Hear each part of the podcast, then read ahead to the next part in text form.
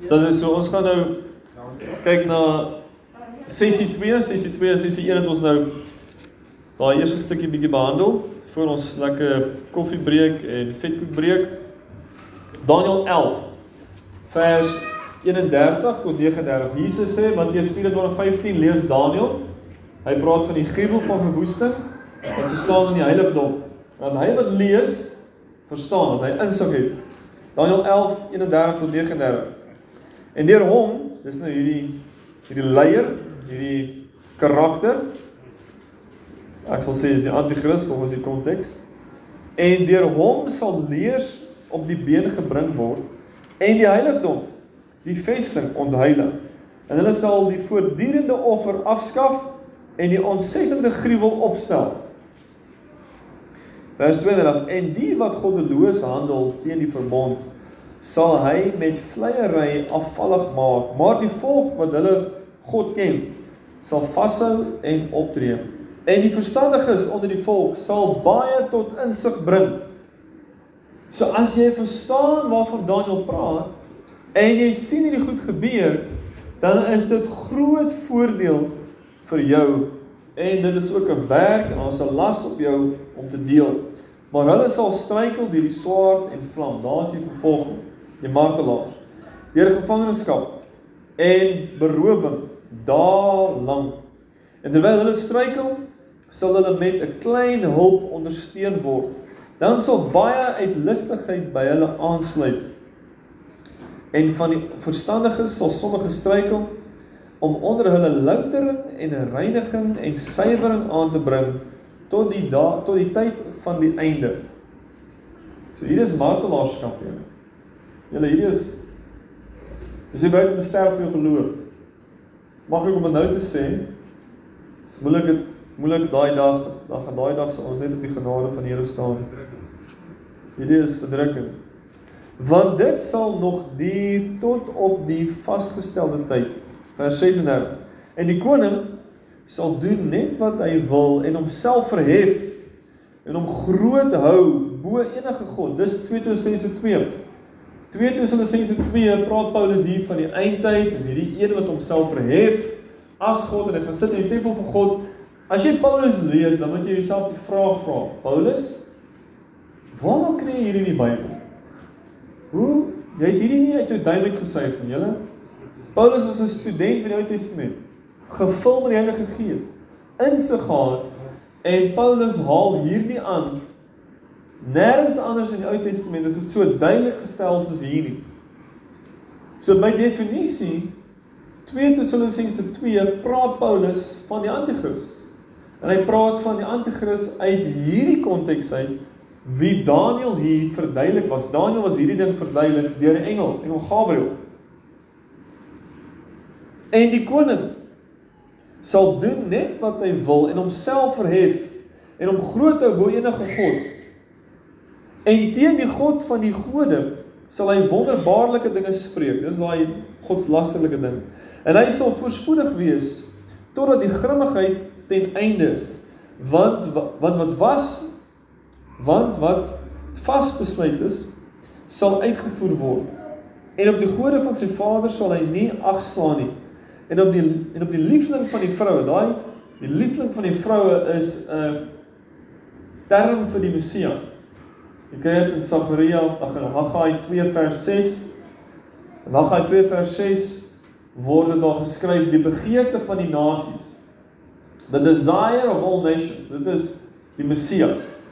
Is 'n verskillende term vir die Messias. Hierdie liefling van die vroue is 'n verskillende term vir die Messias. En op enige god sal hy geen ag gee nie, want hy sal homself bo alles groot hou Jy sien dieselfde konsep in Jesaja 14. Hierdie een wat homself verhef. Lucifer, die seun van die môre. Jy sien dieselfde konsep in Jesaja 28. Hierdie koning van Tyrus wat homself verhef. Dan kom jy agter, o, oh, hier is nie net 'n mens nie. Hier is 'n demoniese ding hier betrokke. En dan sien jy dieselfde ding hier in Daniël 11, jy sien dieselfde ding in Openbaring 13 wat ons noem die anti-kris die dier, daar's 'n hele koninkryk en dan het hy 'n spesifieke koning wat leiding neem. 'n Spesifieke persoon. En hierdie persoon verhef hom bo al die ander gode. Hierdie persoon kom dan spesifiek teen die God van Israel en spesifiek teen die tempel van Israel. Vers 38. Maar in plaas daarvan sal hy die God van die vestings, dis 'n God van oorlog en geweld vereer. So die anti-kris in moderne en ek eintlik besig om nou so 'n bietjie in die volgende punt in te gaan, maar ek sal nou afsluit met hierdie herbou van die tempel. Die anti-kris in die vervangingsteologie westelike charismatiese kerk is 'n charismatiese leier wat 'n Europeër is wat kom op die toneel in die Midde-Ooste. En hy maak homself voor as die Christus. Daai is nie 'n in my opinie, dis nie 'n Bybelse konsep nie. En as ek dit so sê, sê ek dit gaan soek dit in die Ou Testament. Hoe bedoel ek dit? Gaan kry 'n patroon in die Ou Testament. Hier sê Jesus lees Daniël vir die gruwel van verwoesting. Nou as jy hierdie Daniël lees, dan kom jy agter hierdie ou was duidelike vyand van Israel. Hy was 'n koning van 'n heidense nasie. Hy het al die ander nasies en al hulle afgode almal vernietig en doodgemaak en sleg gepraat. En hy kom net so teen Israel en hy sê ek gaan die volgende met julle doen. Dis as jy die Bybel gaan lees, die Ou Testament in Jesaja, as ek reg onthou, is Jesaja 30 Jesaja 32 dan lees jy van die koning van Assirië Sy naam is Sangerib. En jy gaan lees wat hy gedoen teen koning Hizkia. Hoe hy die ouens gestuur het om Hizkia bang te praat. Ja, dit is 1 Kronieke en 1 Konings. As jy daar gaan soek 1 ek dink 1 Kronieke 18, 19, 20. Dan gaan lees jy dieselfde tipe ding. Hier is 'n vyand van Israel En hy kom openlik teen Israel. God se lasterlike dinge wat hy praat. Ek weet nie wat doen hy nou.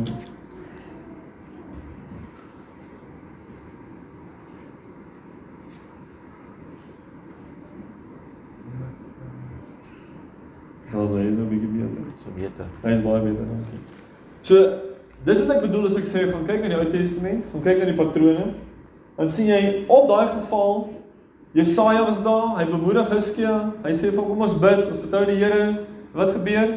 In een aand stuur die Here een engel en hy verwoes dink was dit 100 en 185000 vyande van Israel. As 'n in my opinie 'n klein patroon van hoe dit gaan wees aan die einde. Niks en niemand kan Israel help nie. Hulle kom teen Israel. Ons het al die gode van al die vorige nasies verwoes. Wie is julle God om julle te help? En hierdie ou laster en laster en laster.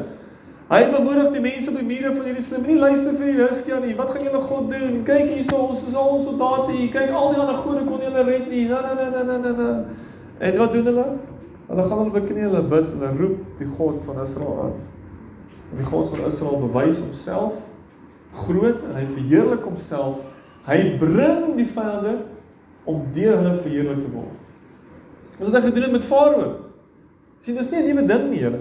En as ons dit verstaan en jy kom by hierdie idee van die anti-kris is nou 'n Europeër, hy gaan die ou wees, hy gaan charismaties wees, hy gaan Israel gaan like, hulle gaan dink hy is die Messias, dan kom jy agter nee, ek sien dit nie in die Ou Testament. Farao het nie gekom chommy chommy met Israel nie. Sanherib, die Assiriese koning het nie gekom chommy chommy met Israel nie. Islam kom nie chommy chommy met Israel. En dis hoekom ek sê ek sien nie daai ding in die Bybel nie. En Daniël praat nie van daai ding hierso in Daniël 11 nie. Kom ons lees die laaste twee verse hierso. Vers 38 39 maar in plaas daarvan sal hy die God van die vestings vereer, die God wat sy vaders nie geken het nie sal hy met goud en silwer en edelgesteentes en kosbarehede vereer. So sal hy dan optree teen die versterkte vestings met behulp van 'n vreemde god, diegene wat hy erken, sal hy baie eer en in hulle oor baie laat heers en grond as beloning uitdeel. So Daniël 8 is die volgende deeltjie 8. Ons gaan hom nog nie kan klaar lees nie. Ek dink tyd gaan ons vang. Dan lees homself Daniël 8 vanaf vers 8 tot vers 27, daai hele stukkie. Dis die eerste keer wat die engel kom verduidelik vir Daniël. Hierdie twee koninkryke wat in konflik gaan wees, die koninkryk van die noorde en die koninkryk van die suide. Dis eintlik meer Griekeland en Persië. Hy verduidelik presies so. Hy sê vir hom: Griekeland gaan kom en hulle gaan Persië verwoes. En dan verduidelik hy uit hierdie Griekeland se koninkryk, Alexander die Grote het in 13 jaar, as ek dit reg onthou, die bekende wêreld verower. Peldrum van 33 sterf hy aan hy is homself doodgesyp, as ek dit kan so sê. Dis wat gebeur het. En die engel sê vir hom, hy gaan sterf, sy koninkryk gaan, gaan verdeel in 4. Daar gaan konflik wees onder mekaar en hierdie een koning of leier van die Grieke gaan kom in oorlog maak teen die ander een. Dis wat jy in Daniël 11 kry. Daniël 8 is dit die verduideliking hoe gaan Griekeland Persië oorwin. Wie is die Griekeland vandag, die Griekse koninkryk vandag, die grondgebied? En wie is die Persiese grondgebied vandag? Persië is Iran. Iran en daai omgewing is Medo-Persië. En Turkye en die hele area van Turkye is waaruit Alexander die Grote gekom het. Nie Europa nie. Europa is nog verder wes. Die mees oostelike deel van Europa wat grens aan die aan die die Midde-Ooste is waar Turkye is. OK? En later gaan jy sien die Romeinse koninkryk het ge, het verdeel in twee. 'n Oostelike en 'n westelike been. Uit die oostelike been is waaruit Antiochus Epiphanes gekom het. Noord van Israel en hy het gekom en hy het gedoen wat Daniël sê in Daniël 11. Hy is die koning waarvan ons nou gelees het. Gaan kyk die geskiedenis. Antiochus Epiphanes 4. Ek spreek dalk sy sy naam lyk soos Suid-Afrikaner en ons dalk ander uitsprake. Maar hy het presies presies gedoen wat Daniël gesê het. Die tempel gaan verwoes so te sê die tempeldiens stop, hy het 'n vark geoffer daar, hy het 'n beeld opgerig van Zeus. Hy het vir die ouens gesê julle mag nie julle seuns besny nie, julle mag nie die die Torah onderhou nie, julle mag nie julle verbond met die God van Israel hou nie. Enigiemand wat die Torah leer, gaan sterf en daar het 'n rebellie teen hom opgestaan en daar was 'n groot konflik. So Daniël se woorde was waar bewys deur daai heel eerste vervulling in die lewe van Antiochus 168 jaar voor Christus. Maar dit was nie die groot ding waarvan Jesus gepraat het nie. Want hier staan hulle 168 jaar na hierdie goed van Daniël gebeur het en Jesus sê wanneer jy hierdie goed sien kom en dit sien gebeur lees Daniël en weet. Nou toe die tempel verwoes is in 70 na Christus het hierdie goed nie so gebeur nie. Presies soos wat Daniël beskryf het Daniël 8 wat oorloop van Daniël 11 toe Dit het nie gebeur nie. So kom ons sluit af met deel 1, die herbou van die tempel. In in my verstaan van ek sien hierdie skrifte as bewyse. Die bewysstukke as 'n inspekteur en 'n 'n speurder lei vir my dat daar's genoeg bewyse om hierdie gevolgtrek te maak. Die gevolgtrek is dat met 'n tempel gebou word in Jerusalem. Nou is die volgende ding wat ons gaan lees. Punt 2 is hierdie oorlog wat gaan kom. En dit is 'n groot oorlog. En baie mense kyk nou na die Russiese Oekraïense Oekraïense oorlog en sê Rusland is Jesaja 38 se gog. En hulle moet kom af na Sirië toe.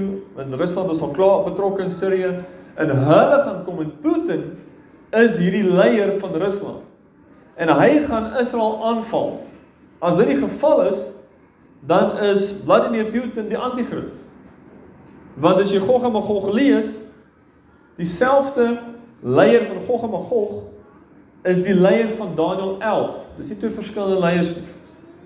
Is dieselfde leier van Psalm 83 is dieselfde leier van Openbaring 13.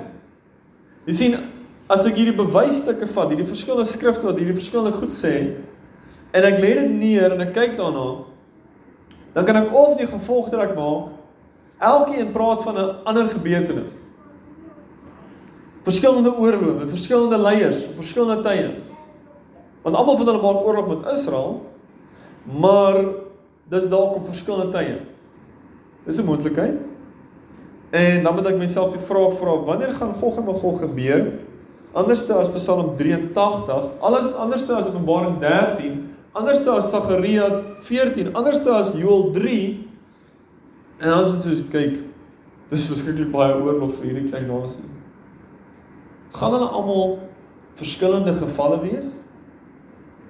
Dan dink ek, nee, ek sien 'n patroon in die Bybel dat al die ander profeseë oor Jesus se koms is nie van verskillende komste nie.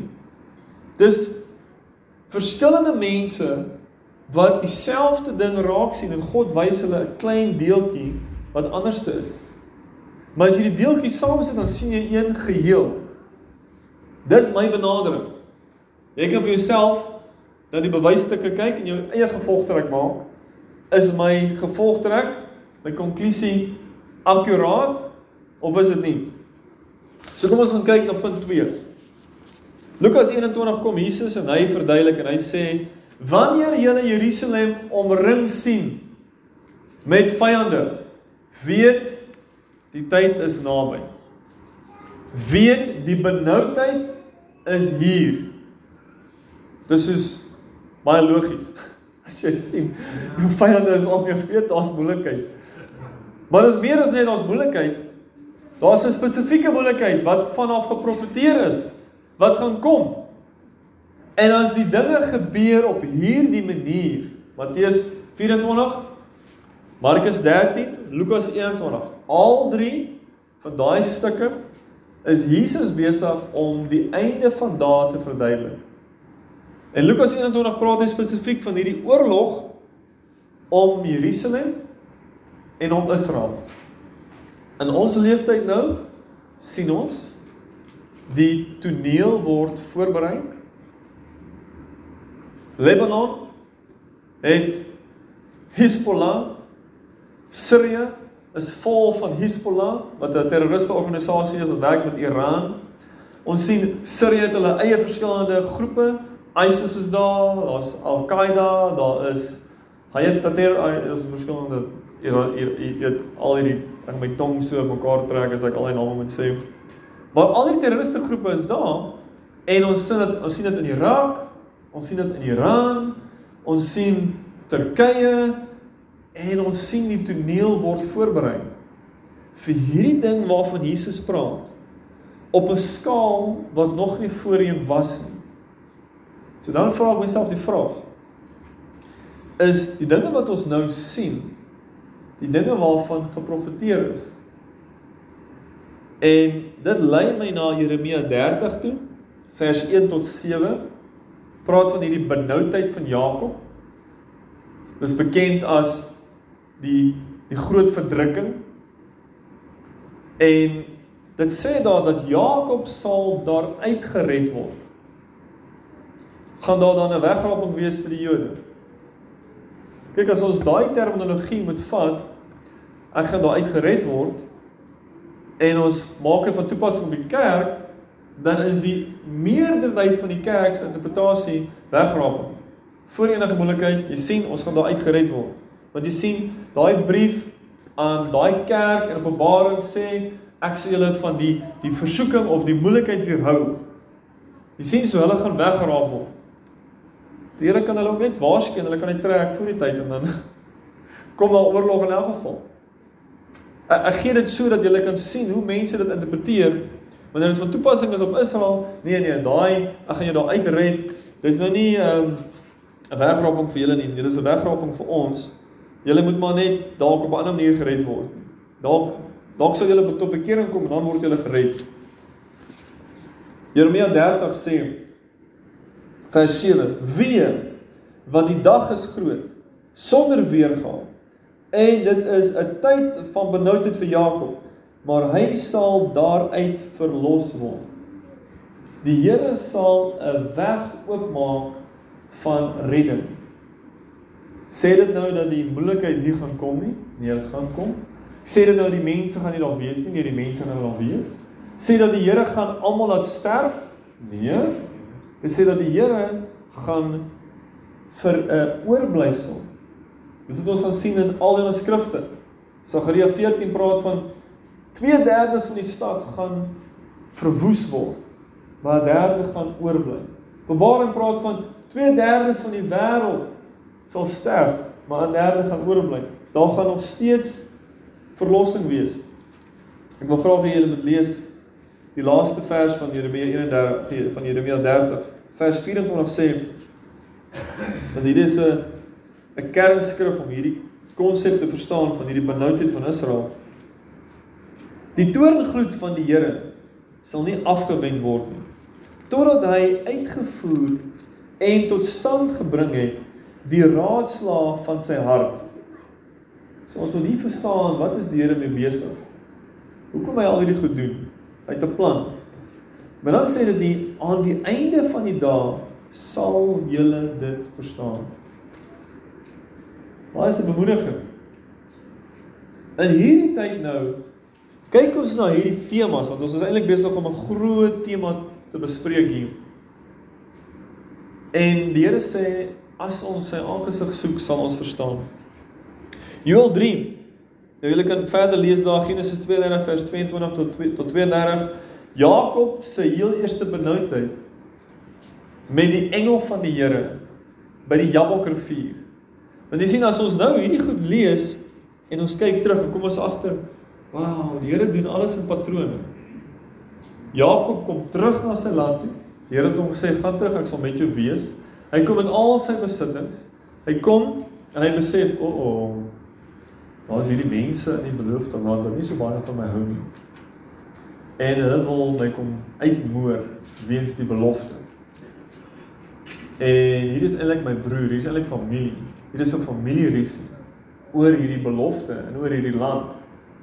En Jakob gaan in so angs in by die Jabokrivier. Dis die benoudheid van Jakob. Maar wat gebeur? Dis 'n worsteling met die Here. En dit is die Here in 'n menslike vorm. En dis in die middernag. En dis 'n worsteling en Jakob sê ek sal u nie laat gaan tot u my seën nie. En die uiteinde van dit is sy naam word verander en hy word geseën. En die Here bring 'n 'n verlossing vir Jakob toe hy terug gaan na die land toe. Jeremia 30 Julle gaan terugkeer na die land toe as jy Jeremia 30 gaan lees in die begin. Praat so van die wonderlike terugkeer want Jeremia 29 sê julle gaan ballingskap toe gaan. Julle gaan in in Babylon wees vir 70 jaar. En nou sê hy julle gaan terugkom. En hierdie terugkeer is nie net terugkeer uit Babylon uit nie. Hierdie terugkeer is die terugkeer nou. Die laaste 100 jaar se terugkeer van Israel. En dan sê hy die terugkeer gaan wees met moeilikheid. Daar gaan mense vir julle wag wat nie van julle gaan hou nie. En julle konflik gaan groei. Ek meen of 100 jaar ons kan dit sien. Die geskiedenis wys dit presies vir ons, julle. Dis hoe ek sê ons leef in profetiese tyd. En hierdie konflik met hierdie mense gaan groei, hierdie benoudheid met terrorisme, met islam, met die sogenaamde Palestynse se ding, hierdie ding gaan groei tot 'n groot benoudheid. En wat gaan gebeur? Julle gaan weer in 'n donker tyd met God worstel. En dan gaan hy homself openbaar aan julle. Yeshua HaMashiach. Jesus die Christus. En julle gaan worstel en sê ons sal nie laat gaan tot U ons seën nie. Tot U vir ons verlossing gee. Dit is die doel van God se hart wat hy sê hierdie ding is vasgestem, hierdie ding is bepaal, hierdie sal so wees. Maar raai wat? Hierdie is nie net 'n benoudheid van Jakob nie. Hier is 'n benoudheid van almal wat saam met Jakob staan. Almal wat die God van Israel aanroep gaan deur 'n tyd van benoudheid gaan. En daai tyd gaan ons suiwer en louter. Dis wat hy hierso sê.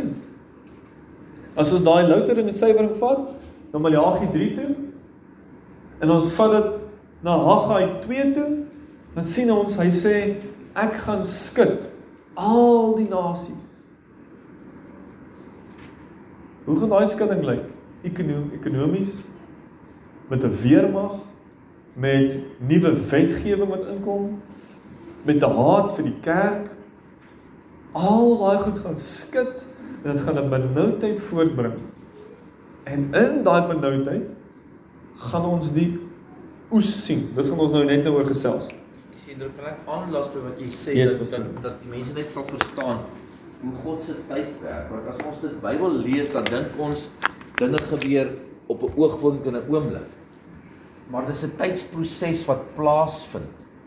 En as jy nie waak en bid en lees en gereed is daarvoor nie, gaan dit jou oornag oorval. Dis kom die Here sê in Lukas 21, neem kennis dat wanneer hulle omsingel word, dan lees jy na Gai dieselfde. Hy sê dan sal die verwoesting in Jerusalem inkom.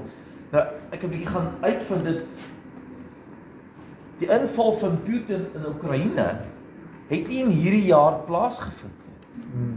Dit is al oor die 8 en 'n half jaar besig om te Beplan, ja. beplan. Van 2014 af is Putin besig om sogenaamd Oekraïne in te val en voor te berei vir die aanval. En ouens te begin stuur en met ander ouens te begin werk en saam sweer en saam praat sodat hy sy magte kan stuur. Die hele tyd is die weste onder die indruk van dis 'n oefening. Niks gaan gebeur. Baie het gesê nee man, Putin is net 'n groot man. 8 jaar was hy besig met die proses van die inval en skielik het hy ingeval. Dieselfde gebeur met hierdie. As hy sê neem kennis wanneer Israel omsingel word, is dit nie 'n oornag ding wat gebeur nie. Dit kom met 'n proses en 'n tyd.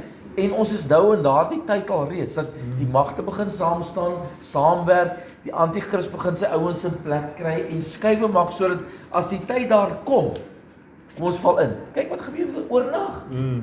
Volgende toe val die bomme, maar dit was 'n tyd en 'n proses en dis kom ons moet verstaan. Dis hoe God werk.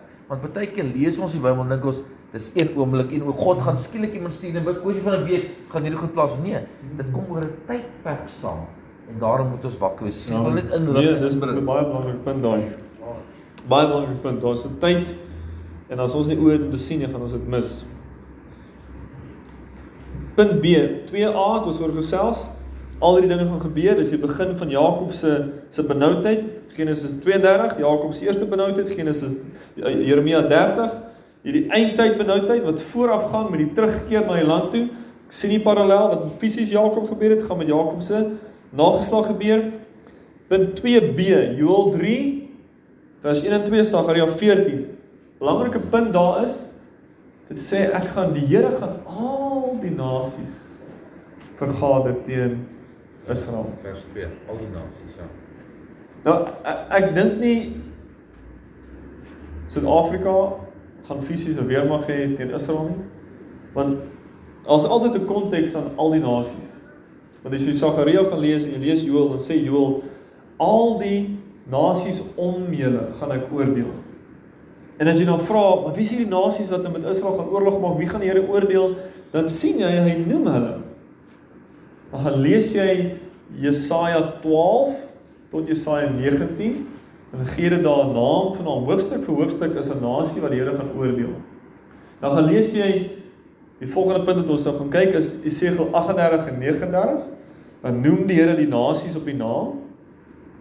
Dan vat jy daai lys, jy maak 'n lys met Jesaja se lysie, dan maak jy 'n lys wat jy parallel met Esegiel se lys. Dan maak jy 'n lys wat jy parallel met Psalm 83. Dis hoekom jy nie meer TV kyk in jou huis nie. Weet, vir daai DStv geld saai het in die koninkryk in, dan los die TV. Ek, ek grap nie, dis dis dis wat ons in ons huis doen. en dan vat jy Psalm 2 en dan gaan kyk jy na Openbaring 16. Dan gaan jy sien maar dit is so duidelik soos daglig as moet ons nie die Bybel lees nie.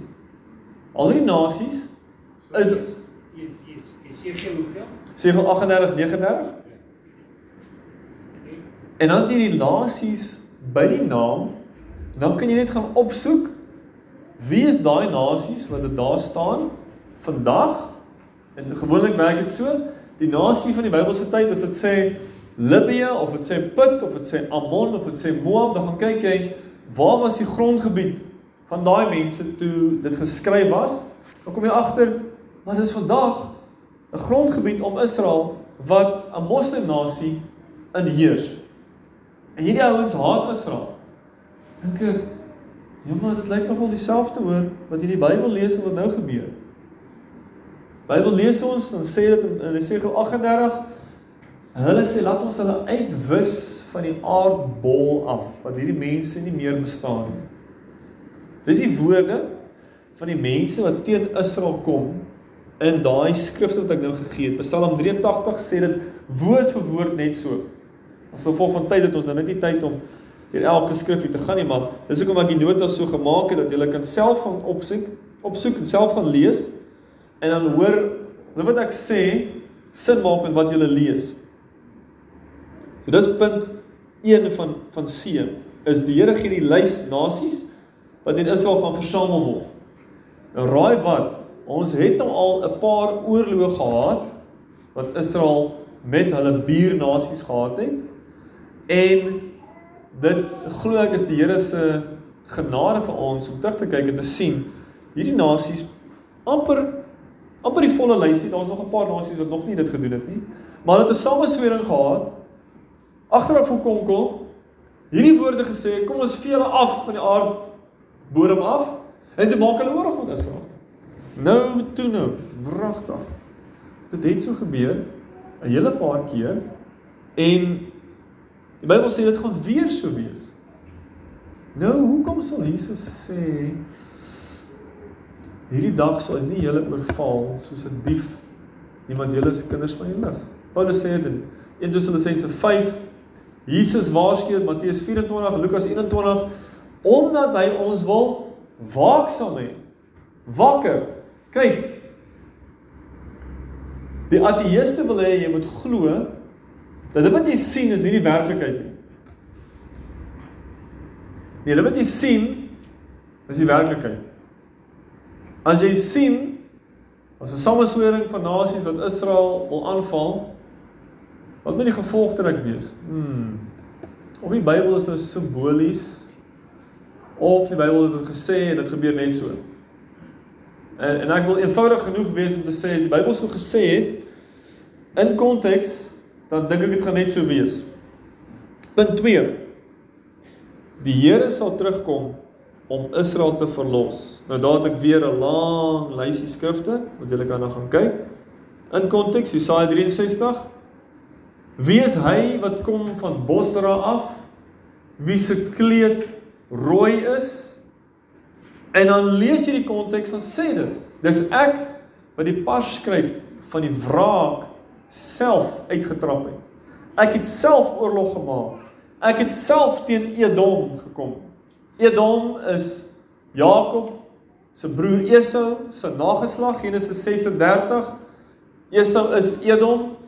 Die Edomite vandag is hoofsaaklik die Arabiere, Arabs en hulle is hoofsaaklik die mense wat Israel haat. Ai nou toe nou, Jakob Esau geveg. ek sê julle, dis nie ek, ek hou van die term, dis nie rocket science nie. Die Here het regtig vir ons daar gesit om te kyk. En hy sê ek gaan terugkom en ek gaan self wraak neem. Dan lees ons in Openbaring en ek het die skrif hier daarop gesit Openbaring 19, 11 en 21 en 21. Dis in Openbaring ehm um, ek dink Openbaring 14 selfde ding wat hy by die sukkel het, die sukkel inslaan en oes, die drywe oes, bring die drywe in die passtreep toe en trap die drywe in die wraak van God. En wat gebeur? die kleed word rooi van die trap. Kyk as jy nou drywe sou trap en 'n pas skryf dan spat die drywe dan. So Jesaja 63 Jesus se wederkoms en hy oordeel. En hy noem wie hy oordeel. En dan lees jy Jesaja 38 39 Psalm 83 en kyk jy is Edom deel van daai mense? Is daai streek van die land deel van die mense wat geoordeel word? Dan kom jy agter maar dis dieselfde. Sagaria 14:5 2 Tessalonisense 2 vers 8, Openbaring 19, Joël 3, Jesegiel 38 is Jesus wat kom oordeel. Jesus wat een groep tot nik maak om 'n ander groep te red. En ek het so mooi vir hulle gehoor. Jesus kom om alles te verwyder wat teen liefde staan. Sodat liefde kan triomfeer. Ha, is dit nie mooi nie?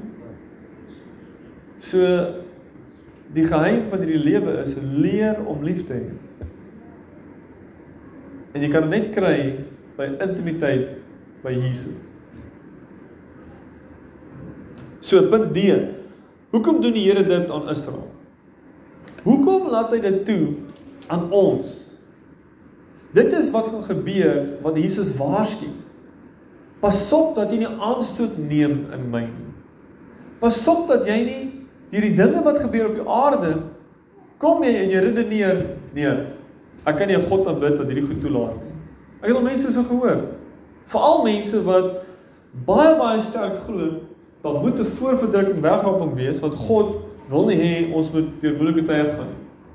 En wat nou gebeur is mense glo dit so dat as dit nie gebeur nie, dink ek dit is die die voorloper en die voorbereiding vir 'n groot wegval van die kerk.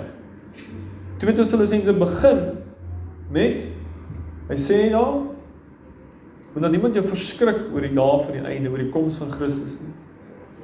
En hy sê daarso, daar gaan 'n groot afval kom. Nou dink ek 'n teleurstelling is die beste manier om 'n afval te bring. Bou 'n verwagting op, skep 'n idee en dit gaan gebeur so in jou lewens met ons praat hier van jou lewe wat hierdie lyntjie is.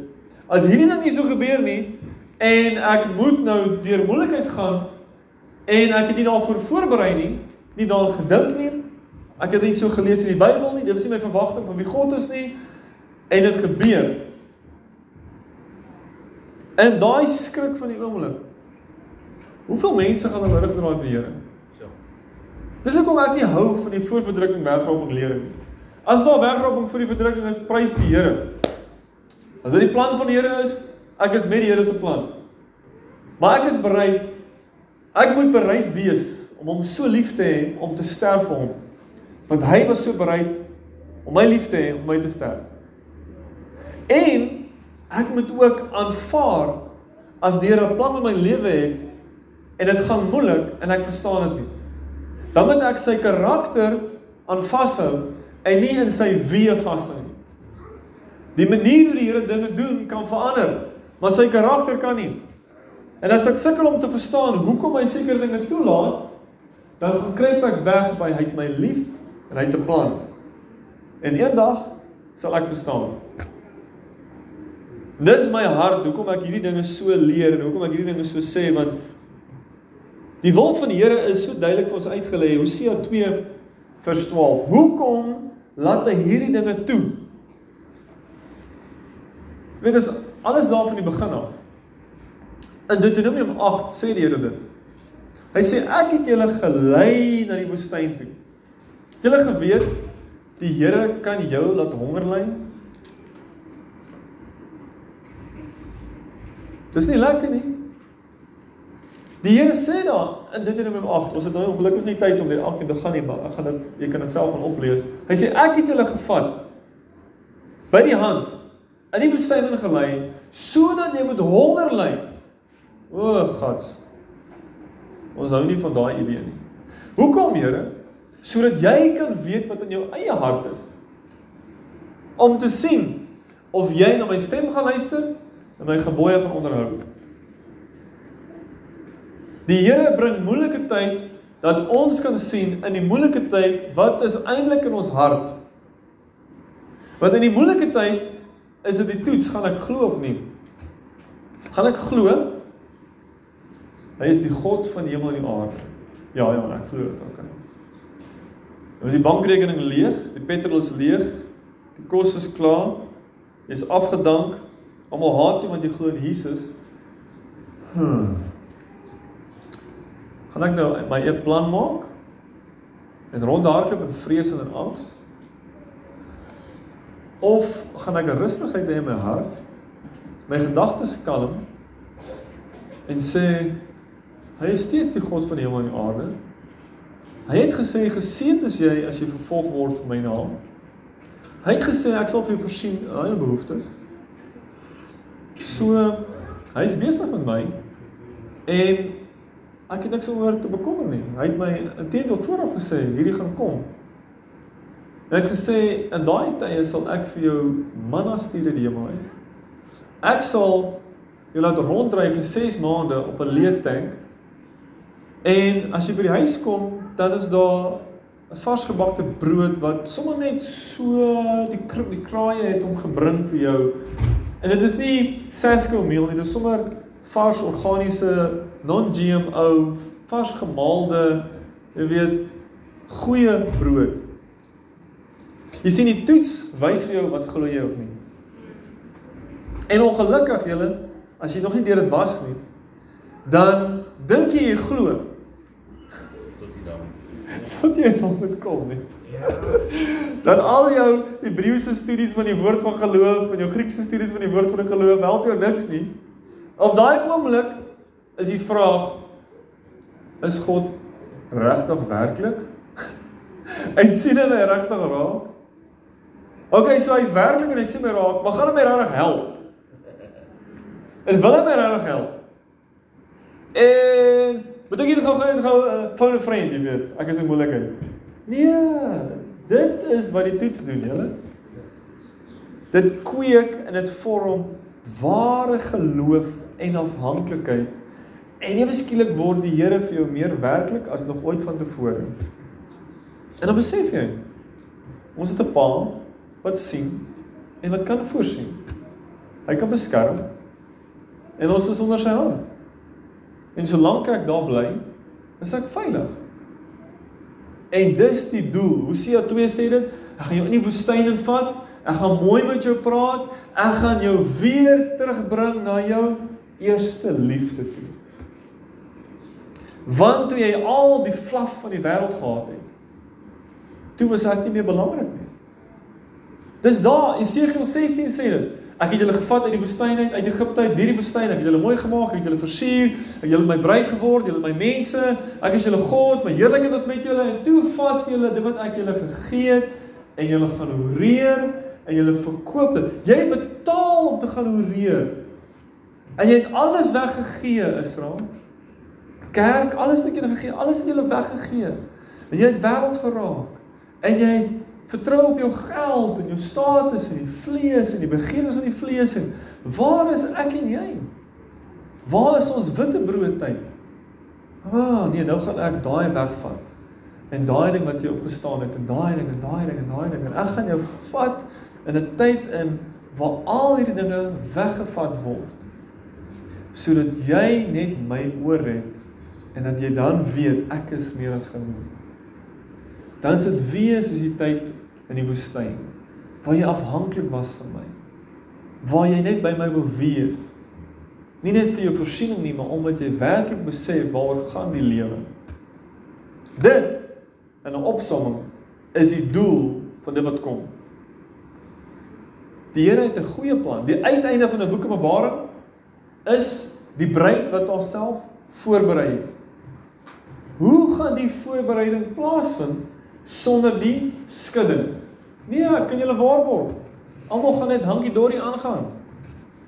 As daar nie 'n skudding is nie, gaan die mense nie wakker gemaak word nie. Punt nommer 1. Ek wil hê julle moet die patroon oplei. Farao, Sangerib, Antiochus Epiphanes lees dit self, gaan kyk die geskiedenis. Dit was alles daar vir ons as 'n getuienis.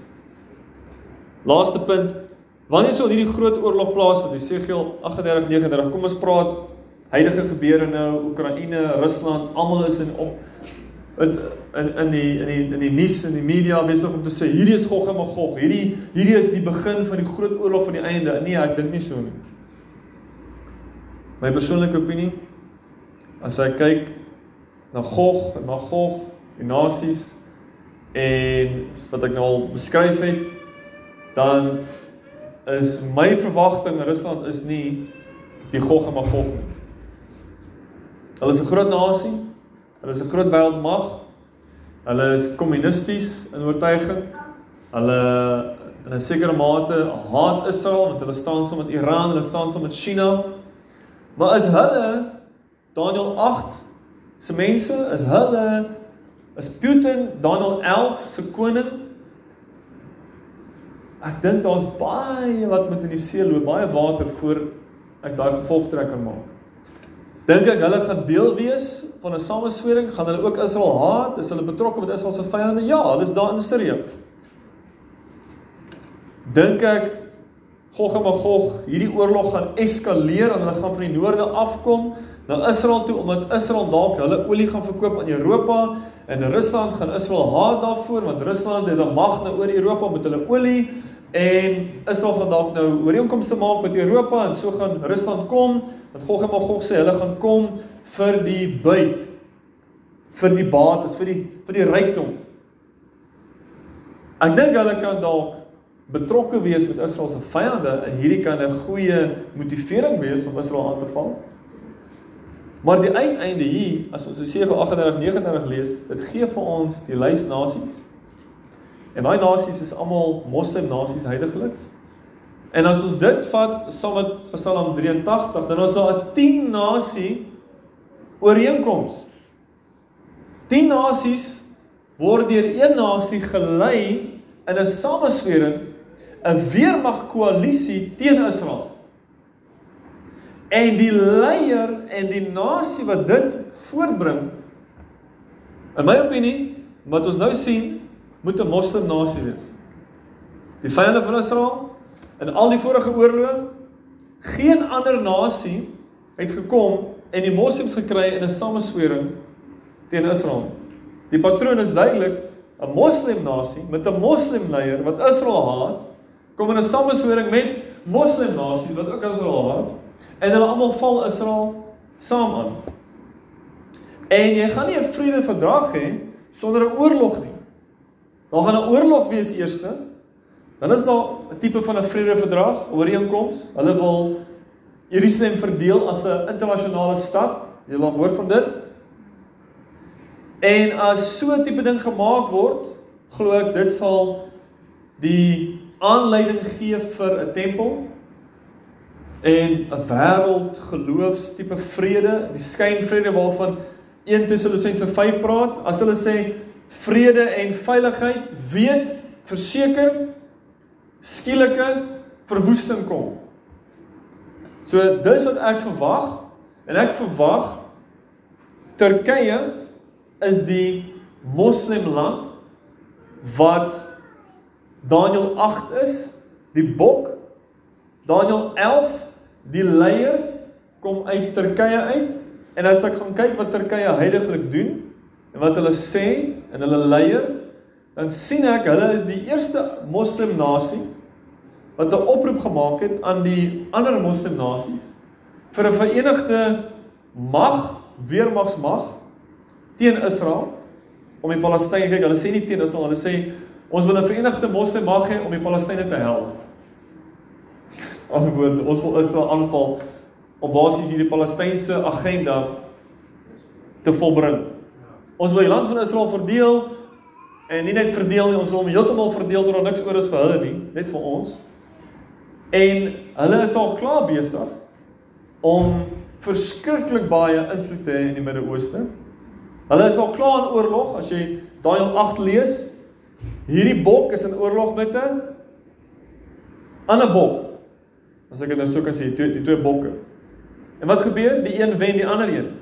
Ek vermoed as daai perspektief reg is, dan Iran is die bok van Daniël 8 wat pak slaker en Persië. En heidaglik is hulle besig om meer invloed te hê in die Midde-Ooste En raai wat? Hulle is in direkte geveg met Turkye. Gaan kyk daarna. Gaan kyk na die Midde-Ooste, gaan kyk die nuus. Selfront is 'n goeie webwerf wat ek baie keer besoek. Hulle gee baie analises en hulle wys vir jou waar Turkye met hulle terroriste aanval teen Iran se se terroriste, hulle proksies en die proksi oorlog en hoe Turkye sekerlik die grootste weermag het van al die Midde-Oostiese lande, hoe Turkye heidaglik besig is in Libië. Hulle het hulle magte en hulle mense soontoe gestuur, grootskaalse oorlog in Libië en daai oorlog groei na Egipte se grens toe en Egipte het gesê, "Aa, ah, ah, as julle verby daai punt kom, dan gaan ons aanval." En as jy Daniël 8 gaan lees en Daniël 11, dan sien jy Egipte gaan gebreek word deur hierdie mag van die noorde. En ons sien heidaglik Iran se proksies, hulle hulle terroriste groep in Jemen val Saudi-Arabië aan. En hulle het gesê van daar af gaan ons kom tot in Israel. En ons sien die Sunni en die Shia verdeeldheid in die moslimwêreld. Die Sunni is die ouens wat wit aantrek en die Shia is die ouens wat swart aantrek. Shia is Iran, Sunni is Saudi-Arabië en die Arabs, die, United Arab Emirates. En hulle is in 'n groot geveg heidaglik. En hierdie geveg gaan eskaleer totdat daar 'n moslem mag kom.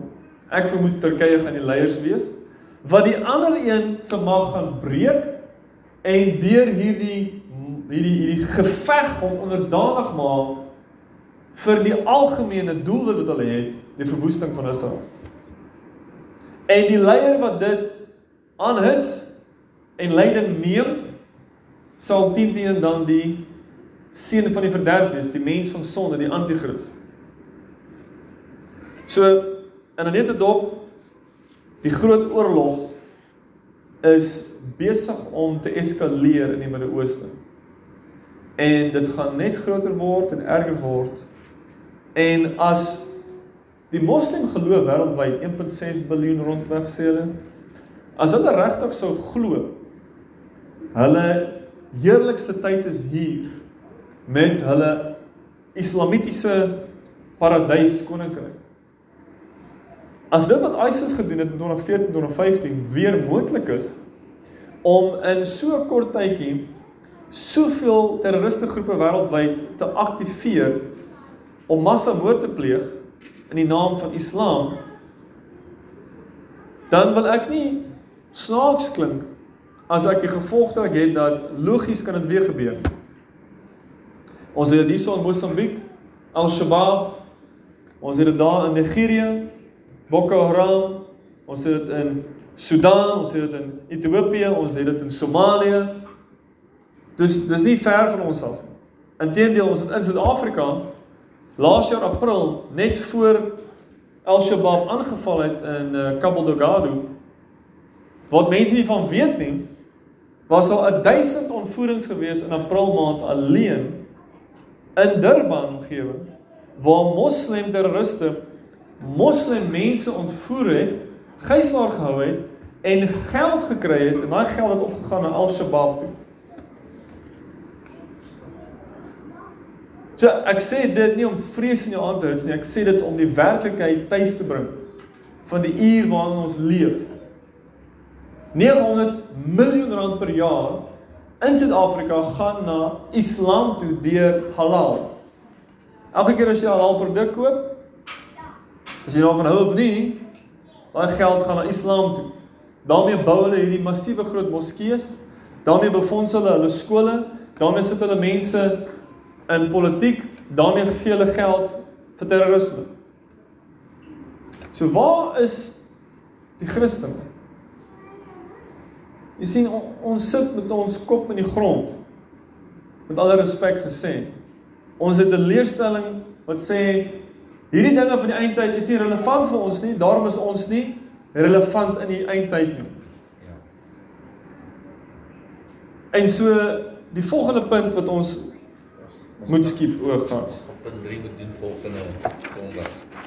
So ek wil hê julle moet sien, dis nie 'n klein onderwerp nie. Dis baie moeilik om dit so te kondenseer. Jy het 'n bietjie agtergrond nodig en dan dit te bring na vandag toe en dan om die vraag te vra, okay, wat is ons betrokkeheid? Wat wil die Here hê moet ons doen? Waar moet ons betrokke wees in dit wat nou gebeur? So kom ons stop daar. Een of twee vrae, is dit moontlik pastoor? Een of twee vrae kan jy nou met. Ek wil weet waar pas die uh die Abrahamic um kontrakte en conventions in. Want ek ek dink dit is in Abu Dhabi wat hulle daai drie geboue gebou het. Mm. Um vir die Jode, die moslems en die Christene, maar hy mag nie 'n kruis op hê nie. Is dit deel van die wêreldkerk waar Ja, sins. is dit deel van wat hulle sê hulle maak vrede maar hulle gaan nie Kyk daar daar was al baie ehm um, soortgelyke vrede ooreenkomste. met Yasser Arafat en die PLO het ook die Oslo Peace Accords wat hulle geteken het 1993 tot 2000. So en, en hoe ek dit sien is een van daai uh, president Trump was verskriklik sterk geweest. So China en Rusland wou nooit iets doen toe hy in bewind was nie. Hy het beheer geneem en hy het 'n wonderlike tyd van herstel gebring vir Israel en seëninge van Amerika. En deel van dit was daai uitwerking van die Peace Accords. Daai vrede gaan net so lank hou, want die die nasies wat vrede gemaak het, is nasies wat in vyanding vyandskap staan met Iran. En as Iran begin oorlog maak teen daai nasies, dan sal ons sien hoe hoe ver hou daai. En as Turkye sou inkom en hulle sou die mag hê in die Midde-Ooste, dan sal ons sien hoe sterk staan daai vredesooreenkomste. Maar dat daar nog gemaak gaan word in die toekoms, dis baie moontlik. So baie mense sou sê Trump is die anti-kristus want hy vrede probeer maak het in die Midde-Ooste. Dis omdat weet jy nie wat van laas van van toe Covid begin het, kon ek dit sien. Ek het by die see gesit en ek dink myself Dis dis is dit gebeur hier voor my oë. Die dinge wat die Bybel van gepraat het. Dit gebeur hier voor my oë. Dit is so werklik. Dat ek begin met mense praat kom ek agter maar hier mense hulle het geen begrip van wat die Bybel sê oor die einde nie. So wat gebeur? Hulle begrip is wat die nuus sê oor die einde. Wat die nuus sê oor die wêreld, oor COVID en die goeters in plaas van wat het die Here vir ons genoeg inligting gegee?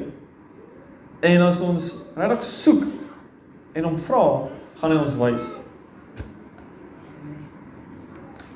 Nog 'n vraag, nog 'n vraag.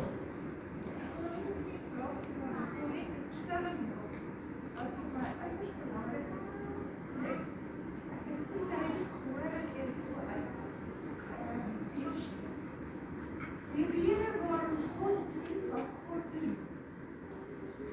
In ons tyd en ook in die Ou Testamentiese tyd. En tot in die laaste tyd is dieselfde rede. God sê sodat almal sal weet ek is die Here Here, die enigste God. En dit is hoekom. Want niemand weet regtig God is die Here Here, die enigste God. Ons dink ons weet dit. Hmm. Maar wanneer daar so groot oorlog kom, en God oorwin, wie sal vlug? Dis dis 'n belangrike punt van Farao. Die Here het gesê ek het myself verheerlik deur Farao dat ek verheerlik kan word en dat almal mag weet ek is selfs wat hy sê in Jesaja 38:39. Hy sê ek het hierdie gedoen sodat ek verheerlik kan word. Nie om julle ontwil nie, maar vir my naam om eer te kry onder die nasies. Net so die laaste oorlog, die groot oorlog. Dan jy loop by. Almal jou pet aan toe hardloop. Nee, ek dink nie so. Daar's een op bittervuur, jy kan daar hardloop, daar's 'n Petra. Dankie geliefdes. Uh ons gaan nie mekaar se tyd maar sê interessant. Ek het geweet dit gaan nie